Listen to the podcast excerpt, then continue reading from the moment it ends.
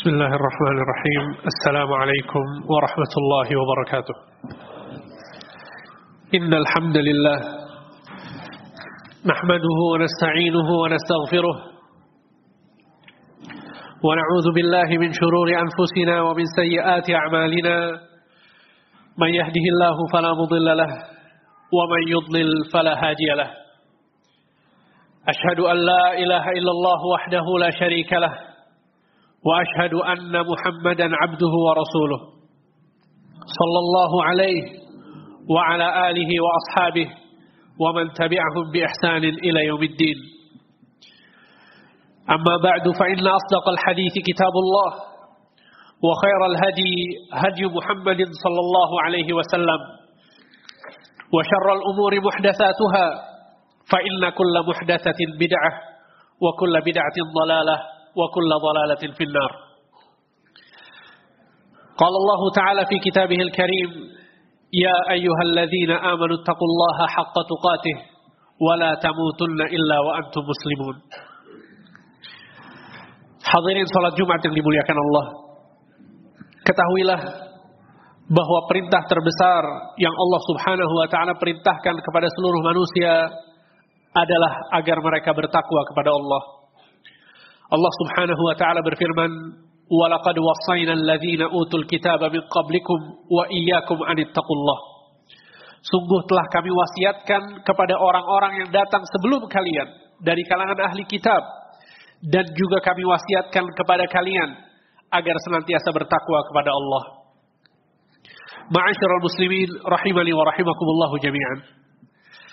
Ketahuilah bahwa di antara hal yang paling penting untuk diperhatikan dalam kepribadian seorang muslim adalah akhlak yang mulia. Seorang manusia harus memperhatikan bagaimana dia berinteraksi dengan orang yang ada di sekitarnya. Nabi Shallallahu Alaihi Wasallam bersabda dalam sebuah hadis, "Innama bu'istu liutammima makarimal akhlak." Sesungguhnya aku diutus oleh Allah Subhanahu wa taala untuk memberikan kesempurnaan pada akhlak manusia.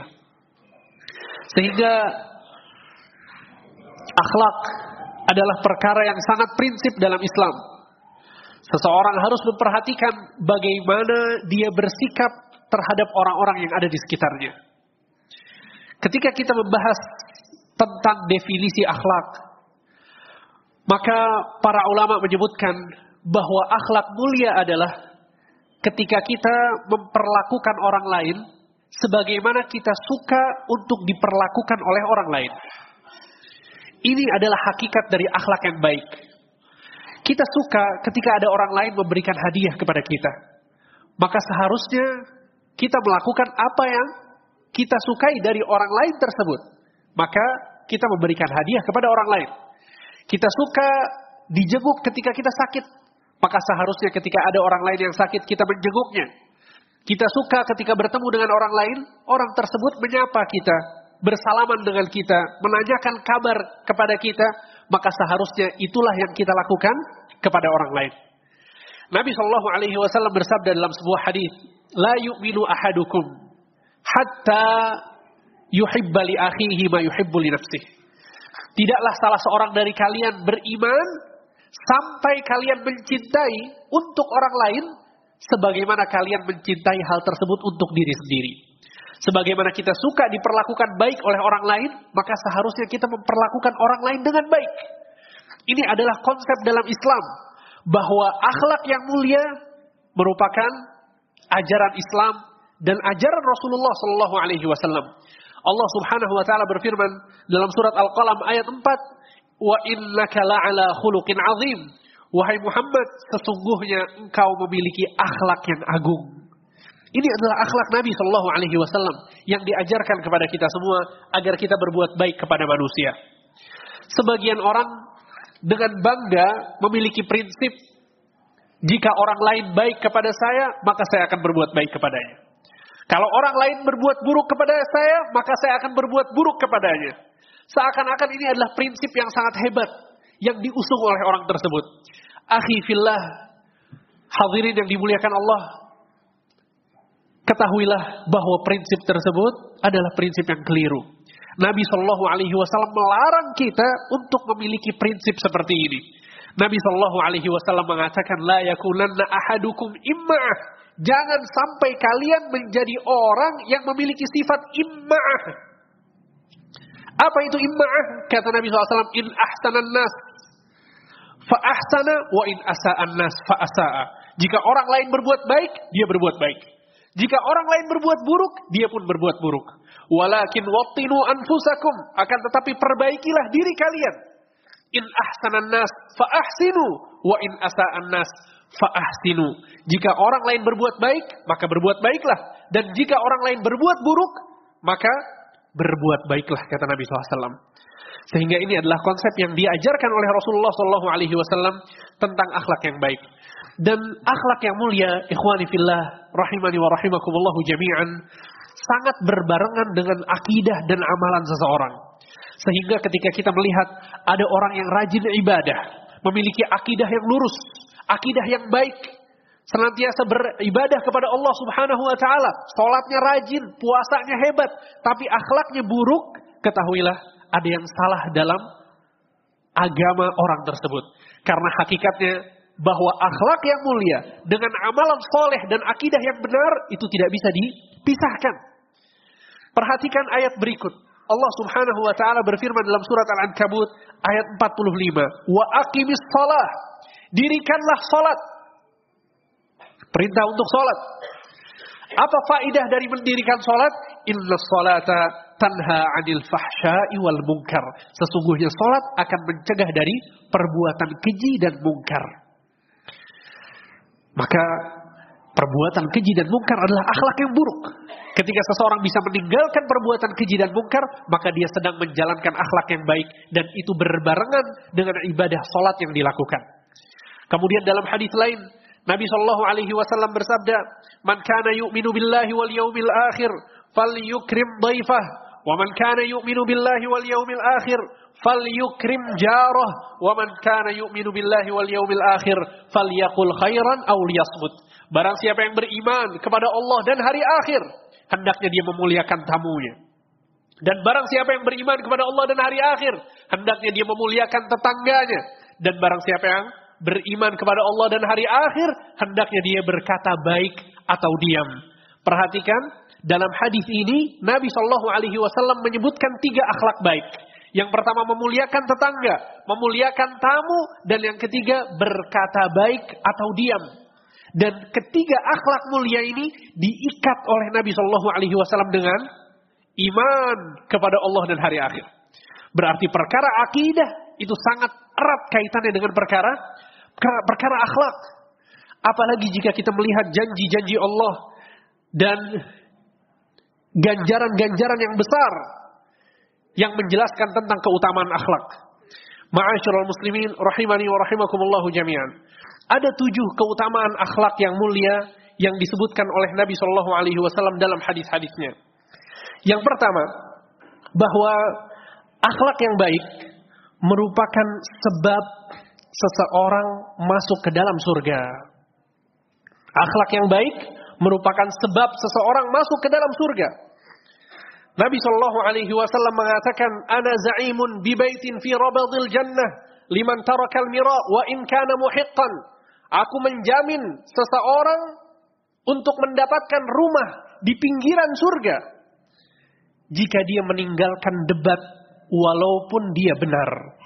Wa ana za'imun bi baitin fi wasatil jannah liman tarakal kadhib wa in kana maziha dan aku menjamin rumah di tengah surga bagi seseorang yang meninggalkan dusta walaupun dia sedang bercanda. Kemudian Nabi mengatakan wa ana za'imun bi baitin fi a'lal jannah dan aku menjamin rumah di surga yang paling atas. Untuk siapa? Kata Nabi SAW, liman hasuna khuluquh. Bagi orang yang akhlaknya baik. Kemudian faedah yang kedua atau keutamaan akhlak yang kedua adalah bahwa akhlak yang baik merupakan sebab seseorang dicintai oleh Allah Subhanahu wa taala. Nabi Shallallahu alaihi wasallam bersabda dalam sebuah hadis yang sahih, "Ahabbu ibadillahi ilallah ahsanuhum khuluqa." Sesungguhnya hamba Allah yang paling dicintai oleh Allah adalah yang paling baik akhlaknya. Kemudian keutamaan yang ketiga adalah bahwa akhlak yang baik merupakan sebab seseorang dicintai oleh Rasulullah Sallallahu Alaihi Wasallam. Nabi Muhammad Sallallahu Alaihi Wasallam mengatakan, Inna min ahabbikum ilayya wa aqrabikum minni majlisan yaumal qiyamah ahasinukum akhlaqa. Sesungguhnya orang yang paling aku cintai dan orang yang paling dekat denganku di surga kelak siapa? Adalah orang yang paling baik akhlaknya di antara kalian. Kemudian keutamaan akhlak yang keempat adalah bahwa akhlak yang baik merupakan amalan yang paling berat di timbangan amal soleh seorang muslim di hari kiamat kelak. Nabi Shallallahu Alaihi Wasallam bersabda dalam sebuah hadis yang sahih diriwayatkan oleh Imam Tirmidzi, "Ma min syai'in fil mizani min husnil khuluq." Tidak ada di timbangan hari kiamat kelak amal soleh yang lebih berat daripada akhlak yang baik yang dimiliki oleh seseorang. Kemudian faidah yang kelima adalah bahwa seseorang yang memiliki akhlak yang baik, dia bisa mengalahkan orang yang rajin puasa di siang hari dan sholat di malam hari. Sekali lagi, orang yang memiliki akhlak yang baik, dia bisa mengalahkan orang yang rajin sholat di malam hari dan puasa di siang hari. Rasulullah Shallallahu Alaihi Wasallam bersabda dalam sebuah hadis yang sahih, Inna rajula la yudriku bi husni khuluqih darajati qa'imil laili wa sa'imin nahar. Sesungguhnya seseorang yang memiliki akhlak yang mulia, dia akan mendapatkan derajat orang yang rajin sholat malam dan rajin puasa di di siang hari. Kemudian faidah yang keenam atau keutamaan yang keenam adalah bahwa akhlak yang baik memanjangkan umur dan memakmurkan bumi. Rasulullah Shallallahu Alaihi Wasallam bersabda, husnul khuluqi wa husnul khuluqi wa husnul jiwar ya'murani diyar wa yazidani fil a'mar. Sesungguhnya memiliki akhlak yang baik dan menjadi tetangga yang baik akan memakmurkan bumi dan memanjangkan umur seseorang. Kemudian keutamaan akhlak yang baik yang ketujuh adalah bahwa akhlak yang baik merupakan tanda dari kesempurnaan iman seseorang. Jika kita mau melihat apakah sempurna atau tidak iman yang kita miliki, maka perlihatkan maka perhatikanlah bagaimana akhlak kita kepada orang lain, bagaimana akhlak kita kepada istri kita, bagaimana akhlak kita kepada saudara kita, bagaimana akhlak kita kepada orang-orang yang terdekat dengan kita. Karena pada hakikatnya akhlak yang baik merupakan tanda dari kesempurnaan iman seseorang. Nabi Shallallahu Alaihi Wasallam bersabda, "Akmalul mu'minina imanan, ahsanuhum khuluqa, wa khiyarukum khiyarukum linisaihim."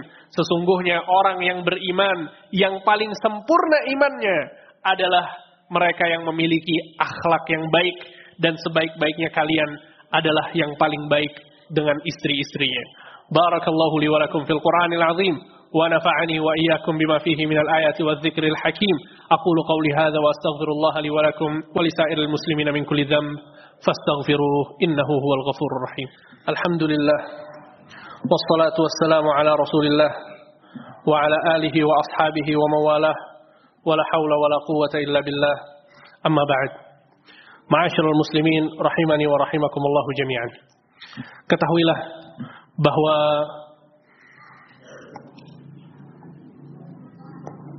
Jangan sampai kita tertipu dengan akhlak orang-orang kafir yang kemudian sebagian kaum muslimin merasa silau dengan melihat akhlak mereka. Sebagian orang mengatakan bahwa orang-orang kafir di suatu negeri memiliki akhlak yang baik.